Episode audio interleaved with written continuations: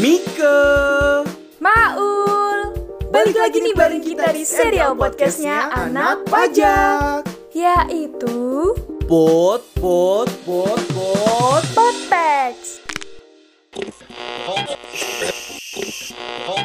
Warning alert.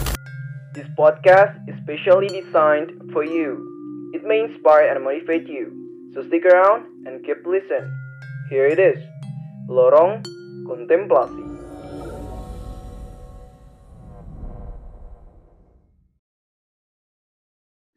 Eyo, balik lagi nih bareng gua di episode 6. Wah, nggak nyangka ya udah di episode ke-6 aja nih. Anyways, gimana nih kabar lo semua? Gua harap baik-baik aja ya. Oh iya, nilai UTS masih fresh banget tuh. Baru keluar. Eh, tahu-taunya udah mau UAS aja lagi nih. Nah, karena mau UAS juga, kali ini gua mau ngangkat tema tentang berprestasi tak perlu depresi. Maksudnya tuh kita nggak usah terlalu depresi banget karena overthinking, karena nggak ada temen lah, susah dapetin motivasi lah, atau khawatir berlebihan akan nilai akademis kita yang bakal turun karena ikut kegiatan-kegiatan semacam yang berbau atau menghasilkan prestasi gitu. Dan kali ini, gue udah ngundang orang yang tepat nih buat ngobrol-ngobrol tentang ini. Tidak lain dan tidak bukan adalah Kak Fadil alias Mapres 2019, Bor. Langsung aja nih ya kita. Halo. Halo Kak Fadil. Apa kabar nih Kak? Alhamdulillah sehat. Ah, baik-baik aja. Maul gimana gimana? Maul kabarnya? Eh, aku juga alhamdulillah baik-baik aja. Aku juga alhamdulillah sehat. Nah, boleh dong nih Kak eh, perkenalan dulu ke teman-teman tentang siapa sih Kakak? Ya. Anjay, masih perlu diperkenalin kak? Anjir, bercanda, bercanda. bercanda. Halo teman-teman, aku Fadil ya. Sekarang mahasiswa D3 Pajak 2017. Eh, ya ke- kegiatan akhir-akhir ini ya cuma ngajar dan semacamnya sih gitu. Jadi mungkin buat teman-teman yang pernah ketemu di kepanitiaan ya, buat adik-adik yang pernah aku ajar juga gitu. Halo. Oke, salam kenal juga nih ya Kak. Nah, karena perkenalan udah nih, berarti langsung aja nih ya Kak ke intinya. Eh, pertama nih, menurut Kakak mana sih yang lebih lo prioritasin antara akademik dan prestasi? Oh, kalau gue sih nggak melihat itu sebagai suatu pilihan gitu ya. Like, eh, kalau lu mau, lu bisa berprestasi di akademik atau mungkin memang berprestasi di lain, tapi akademik lo bagus gitu. Jadi menurut gue itu bukan pilihan. Bukan pilihan yang harus lo pilih. Lo bisa pilih keduanya, eh, tapi memang lo harus mengorbankan sesuatu gitu. Dalam hal ini misalnya waktu gitu. Jadi kalau gue disuruh milih berprestasi atau akademik gitu, kenapa harus milih gitu? Ketika lo bisa dapat keduanya gitu. Ja- Jadi kalau gue sih nggak mau membatasi potensi gitu ya. Selama ada potensi ya take it aja gitu. Wah, canggih banget nih. Oke, berarti menurut lo kalau bisa keduanya langsung sikat aja gitu ya keduanya. Iya, kalau gue sih oportunis ya orangnya. Maksud gue kalau lo ada kesempatan untuk berprestasi di akademis dan di luar akademis, why not gitu. Hmm. Nah, untuk memulai itu gitu kan, kita pasti butuh yang namanya motivasi. Nah, gimana sih cara numbuhin motivasi yang benar agar kita itu bisa konsisten dalam terus berprestasi, terutama di awal-awal nih. Kalau awal-awal kan biasanya wah godaannya ada aja tuh. Kita mau ngilang lah apa segala macam, pokoknya wah banyak deh. Itu gimana tuh kak? Kalau gue sih gini, eh, kalian kan pengen berprestasi gitu. Tapi definisi prestasi bagi setiap orang itu berbeda-beda gitu. Misalnya gue dalam hal ini berprestasi, misalnya gue dapat nilai gede gitu. Gue gue bisa nyebut diri gue berprestasi. Tapi apakah temen gue misalnya nilainya nggak seberapa gitu. Tapi misalnya dia eh, main saham satu hari gainnya bisa 2 sampai 4 juta. Apakah itu nggak berprestasi gitu kan? Kan nggak juga gitu. Oleh karena itu, alasan mungkin sebagian besar orang uh, malas itu kenapa? Mungkin karena dia nggak tahu tujuan hidupnya apa, dia nggak tahu goals-nya apa gitu. Jadi menurut gue pertama-tama ketika lo mau mulai, lo harus tahu dulu lo mau ke mana. Gitu. Define dulu berprestasi menurut lo itu gimana. Misalnya gue gue mau berprestasi ketika gue bisa memberikan impact ke sekitar. Nah, ketika lo udah ada goals yang jelas, maka akan lebih mudah buat lo untuk uh, memulainya gitu. Kenapa? Karena sekarang lo udah ada alasan gitu. Ya, jadi ketika lo udah ada goals, ya, lo make sure dulu uh, lo udah tahu goalsnya apa dan kenapa lo harus ngelakuin itu. Ketika lo udah find a reason, tentunya bakal lebih mudah buat lo untuk mulai segalanya gitu. Kenapa? Karena lo udah tahu alasan lo ngelakuin ini itu apa. Kebanyakan orang nggak semangat, misalnya belajar di PK instan deh. Banyak orang yang nggak semangat gitu kan. Mungkin karena dia nggak tahu goalsnya apa. Apakah itu salah? Ya kita nggak bisa salahin juga. Kita juga harus lihat fact kalau misalnya ada beberapa anak yang memang masuk stan karena dipaksa dan semacamnya dan semacamnya. Jadi mungkin mereka nggak menemukan alasan mereka harus menempuh suatu goals gitu ya. Harus berjuang uh, lebih dari yang seharusnya. Karena mereka nggak jelas goals-nya. Terus gimana caranya biar konsisten gitu kan pertanyaannya. Hmm. Kalau menurut gue gini, tantangan terbesar adalah lu kalau mau konsisten, itu yang namanya manusia itu mudah banget tergiur yang namanya instant gratification. Artinya apa? Instant gratification tuh apa? Misalnya kenikmatan-kenikmatan sementara. Lu mau lagi belajar tuh ya, lu mau konsisten setiap hari belajar. Pasti ada aja godaannya. Mau main game gitu ya mau main game, mau nonton drakor, mau nonton series Netflix misalnya. Itu kan sifatnya kesenangan tapi uh, sementara gitu ya, instant gratification. Nah, untuk ngatasin instant gratification itu, lu harus memang harus menjadwalkan diri lo untuk ngasih instant gratification itu. Jadi lebih baik lo ngasih uh, diri lo reward secara uh, secara teratur daripada lu maksa push terus, ujungnya tubuh lo nggak kuat, jadi dia always asking for instant gratification dan dampaknya adalah ujungnya lu nggak produktif itu. Jadi menurut gua diatur time managementnya, misalnya lu Sabtu Minggu itu jadwalnya main game atau uh, nonton gitu. Ya oke okay, Sabtu Minggu, tapi lu promise ke diri lo, ya berarti hari Senin sampai Jumatnya harus komitmen, harus kerja keras gitu. Jadi uh, nggak ada yang kuat menahan instant gratification itu, maka menurut gue langkah yang tepat adalah memang lu jadwalkan aja dengan dengan diri lo sendiri jadi lo komitmen untuk uh, cuma main game di hari Sabtu Minggu. Sisanya lo harus fokus belajar gitu. Um, oke okay, oke. Okay. Nah, gue mau balik lagi nih ke pertanyaannya, eh, pernyataan yang pertama lo. Tadi lo bilang kita harus uh, tahu dulu nih goals kita apa. Nah, berarti uh, di sini prestasi itu relatif gitu kan. Maksudnya prestasi itu nggak mesti berbentuk piala, nggak mesti berbentuk sertif, nggak mesti berbentuk gelar, gitu kak? Apa gimana? Exactly. Ya menurut gue itu. Prestasi itu kan erat kaitannya sama sukses ya. Tiap orang yang punya definisi suksesnya masing-masing. Ya kita, ya kalian harus tentuin sendiri gitu. Kebanyakan orang depresi, kenapa? Karena mereka nggak live in their own pace gitu ya. Nggak, nggak live di kecepatan mereka. Mereka maksa ngikutin kecepatan orang lain, sehingga ujungnya mereka kedodoran sendiri. Menurut gue, ya udah hidup aja di fase hidup lu, di kecepatan yang lu mau, sehingga lu nyaman gitu. Oke, siap. Nah, terus gue juga kadang suka nemuin atau uh, nemuin suatu kasus lagi mana sih cara kita menghilangkan ketakutan atau keraguan untuk keluar dari zona nyaman kita yang emang hanya fokusnya itu di akademik saja. Kita hanya fokus pada nilai, nilai, nilai aja. Terus uh, terus mulai bergerak, mulai pindah jadi orang yang berprestasi. Nah, itu gimana sih cara keluar dari zona zona nyamannya gitu? Uh, kalau menurut gue sih gini ya, uh, lu pernah denger nggak sih istilah leap of faith gitu ya? Leap of faith uh, atau uh, lompatan keyakinan gitu. Kadang menurut gue kalau lu kalau lo lihat tuh orang-orang uh, sukses gitu ya, Mark Zuckerberg, terus uh, Bill Gates itu kalau lu mau sukses, lu harus muat buat yang namanya leap of faith ya. Artinya lu harus doing something you never done before gitu. Intinya kalau lo mau achieve something you've never been before, ya lo harus harus doing something you've never done before gitu. Yang namanya Bill Gates, dia baru bisa sukses ketika dia milih leap of faith-nya, yaitu keluar dari Harvard gitu kan, keluar dari universitas sebelumnya gitu. Nah menurut gue dalam hal ini mungkin aja lo bisa sukses ketika lo mengambil leap of faith lo gitu. Jangan sampai gini, jangan sampai kalau gue prinsipnya take every uh, possibility ya, every single possibility.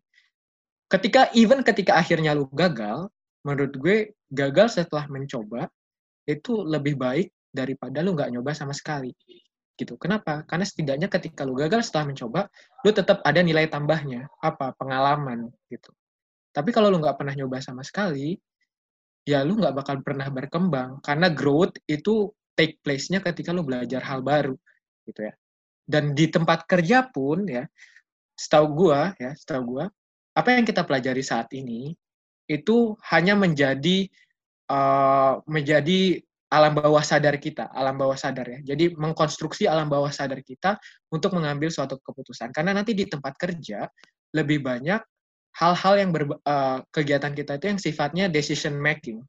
Jadi ilmu yang kita pelajari saat ini itu pada nantinya itu cuma menjadi dasar dalam pembuatan decision making itu sendiri gitu. Nah, sama kayak lu belajar gitu ya. Namanya decision making itu ya perlu latihan gitu dan decision uh, latihan dari decision making yang menurut gue yang terbaik adalah ketika lo jadi mahasiswa. Kenapa? Karena kalau lo salah, sanksinya nggak bakal sebesar itu. Ketika lo kerja, lo buat decision making salah, lo bisa dipecat, lo bisa kehilangan pekerjaan lo. Tapi ketika lo mahasiswa, apa decision making yang paling buruk gitu ya? Konsekuensinya, ya paling lo dikeluarkan dari kepanitiaan. Itu kalau lo udah parah banget gitu. Kalau uh, seburuk-buruknya menurut gue ditegur gitu ya. Itu pun lo dapet ilmu baru. Gitu. Jadi menurut gue jangan takut untuk coba, ya jangan takut untuk mulai hal baru gitu. Mulai aja dulu. Oke, mulai aja dulu. Tokopedia banget ya. Mulai aja dulu. Anjay. nah, uh, terus lanjut nih. Gue juga penasaran sih, kayak buat orang-orang yang berprestasi tuh, feedback setelah berprestasi selain kayak uang, piala, sertifikat, gelar, status sosial, dan lain-lain itu apa aja sih selain itu gitu? Ini kalau gue bilang, uh, kalau gue ngomongin internalnya ya, udah pasti yang namanya berprestasi itu lo ada sense of satisfaction gitu ya. Rasa bangga lo kepada diri lo gitu ya. Bukannya sombong gitu ya. Uh-huh. Uh, sense of satisfaction itu nggak harus sombong. Maksudnya gini, maksudnya lo uh, ada reward tersendiri buat diri lo gitu. Yang menurut lo itu nggak bisa diperoleh kalau lo nggak nggak uh, bekerja keras gitu ya. Jadi menurut gue yang paling penting itu adalah sense of satisfaction ya. Kenapa? Karena itu mahal banget. Uh, sense of satisfaction ini dampaknya ke mana? Dampaknya ke ke depannya. Lo jadi lebih percaya diri ke diri lo. Dampaknya apalagi? Potensi lo bisa keluar secara maksimal ketika lo percaya diri. Gitu. Lo uh, jadi gini, ada istilah yang namanya kalau di IPA kita nyebutnya chain reaction gitu ya. Chain reaction, kalau di IPS kita nyebutnya multiplier effect. Nah, di psikologi itu juga ada yang namanya Pygmalion effect gitu ya. Jadi ketika lo percaya lo bisa, maka sebenarnya lo bisa gitu. Jadi ketika lo percaya diri lo bisa berprestasi, maka lo bisa berprestasi. Tapi kan nggak semua orang punya kepercayaan itu gitu. Nah, maka harus dimulai dari mana? Dari berprestasi yang kecil-kecil dulu. Berprestasi yang kecil, lo dapet sense of satisfaction, lo jadi lebih percaya diri, lo mau ngambil uh, leap of faith yang kedua berprestasi lebih tinggi lagi ujungnya apa jadi chain reaction gitu jadi multiplier effect jadi uh, maksudnya apa maksudnya ketika uh, dimulai dari lo mengambil mulai mengambil keputusan-keputusan uh, kecil ya memperoleh kesuksesan-kesuksesan kecil dari situ rasa percaya diri lo tumbuh potensi lo bisa dimaksimalkan ujungnya lo bisa mengambil langkah yang lebih besar dan ujungnya sukses besar gitu jadi semua itu berhubungan gitu dimulai dari uh, sense of satisfaction dulu. Kalau misalnya bahas dari segi sosialnya tentu aja lu bakal dapat link yang lebih banyak gitu. Lu bisa kenal uh, sama orang-orang yang sebelumnya lu nggak punya kesempatan atau akses untuk kenal. Dan yang namanya uh, berprestasi gitu ya, link yang lu dapat itu bisa jadi link yang sangat mahal gitu. Kenapa? Karena karena gini, ketika lu sama-sama ikut lomba, tentunya orang yang ikut lomba itu bukan orang yang ecek-ecek juga dong tentunya hmm. dia ada kualitas atau at least dia percaya kalau diri dia bisa gitu dan uh, orang-orang kayak gitu tuh orang-orang yang perlu lu deketin dalam artian lu perlu mengelilingi diri lo dengan orang-orang yang kayak gitu kenapa karena uh, balik lagi ke Pygmalion effect pergaulan lu itu mempengaruhi bagaimana cara lu berpikir. Ketika lu keep surrounding yourself dengan orang-orang yang kayak gini, maka pikiran lu juga akan terus positif jadi uh, gue ngerasain banget uh, ketika gue SMP ya ketika gue SMP gue gue ketemu banyak banget teman-teman gue yang berprestasi gitu. sekarang uh, udah ada yang jadi lulusan terbaik kedokteran UGM dan semacamnya dan semacamnya. Gue ngerasain banget ketika gue sama mereka, gue nggak pernah kepikiran lelah. Kenapa? Karena orang-orang di sekitar gue ini uh, keep uh, ngasih energi yang positif ke gue gitu.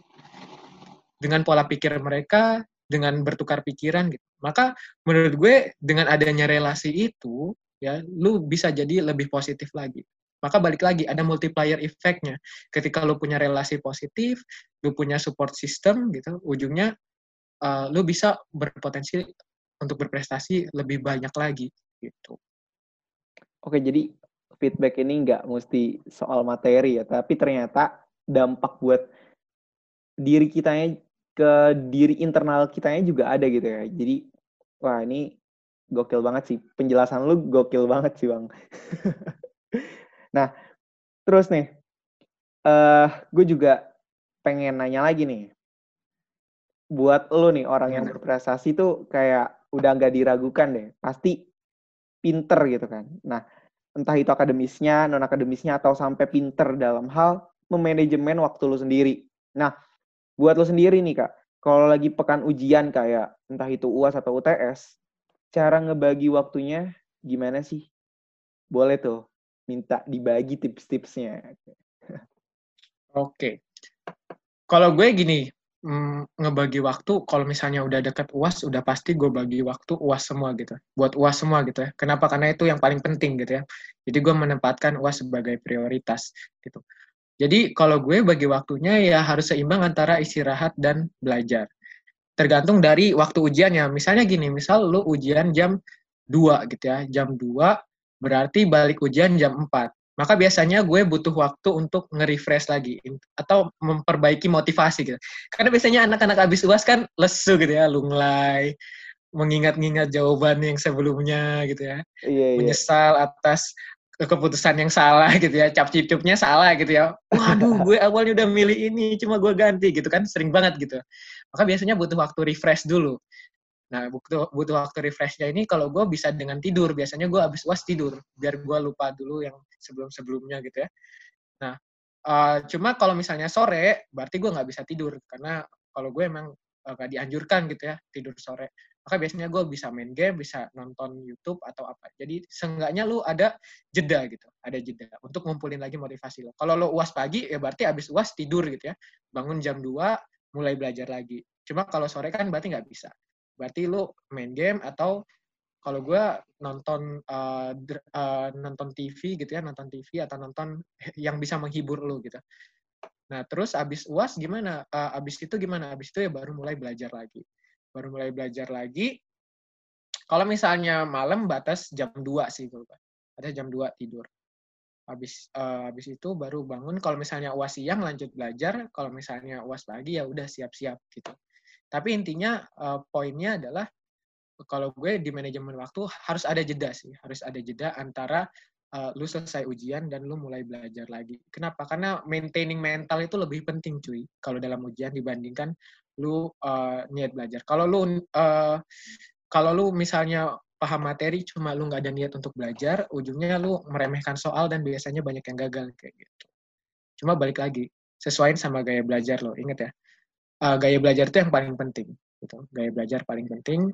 Kalau lu suka gaya belajarnya sambil ngomong lu bisa sambil ngajar temen lu tuh. Misalnya tentir dan semacamnya gitu ya. Bakal bermanfaat juga. Kalau lu lebih ke audio lu banyak dengerin video. Kalau lu baca ya silakan baca. Jadi sesuaikan gaya masing-masing ya. Nah berarti uh, gue gue gue sering kepikiran nih.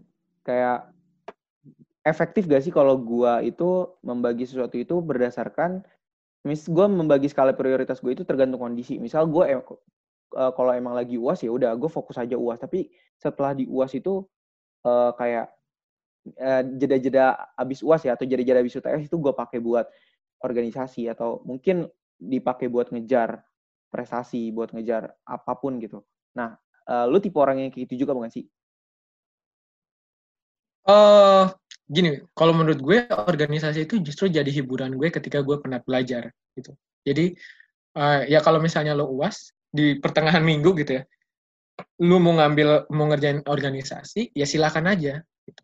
Cuma poinnya gini, poinnya kalau lo memang mau make sure organisasi uh, make sure itu nggak menjadi beban buat lo gitu. Make sure itu menghibur lo gitu ya, menghibur lo supaya lo menghilangkan penat UTS. Jadi tujuannya adalah menghilangkan penat ya, bukan menambah beban. Makanya mindset lo kalau misalnya mindset lo organisasi menambah beban ya jangan dulu ketika UAS karena nanti ujungnya lo nggak refresh. Tapi kalau mindset lo organisasi itu sebagai penghilang penat ya silahkan aja. I mean no problem gitu ya. Cuma kan ada beberapa orang yang menghilangkan penatnya dengan cara lain, makan enak, jalan-jalan, gitu ya. Silahkan aja disesuaikan masing-masing.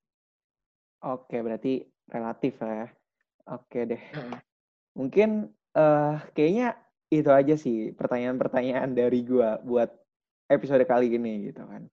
Uh, jadi intinya uh, find your goals gitu kan untuk uh, motivasi lu di awal, terus ya udah lu mulai aja dulu buat ngelakuin suatu hal mumpung lu masih mahasiswa yang mana ketika sanksinya nggak bakal gede-gede banget gitu kalau masih masih jadi mahasiswa. Nah mungkin uh, itu aja sih kak kayaknya. Makasih banyak nih udah oke oke datang udah mau jadi narasumber di podcast episode ke-6 Lorong Kontemplasi. Uh, oke. Okay. Oke, okay. makasih juga Maul udah diundang. Uh, siap. Jangan kapok-kapok nih ya, Kak. siap, siap santuy. Oke. Okay.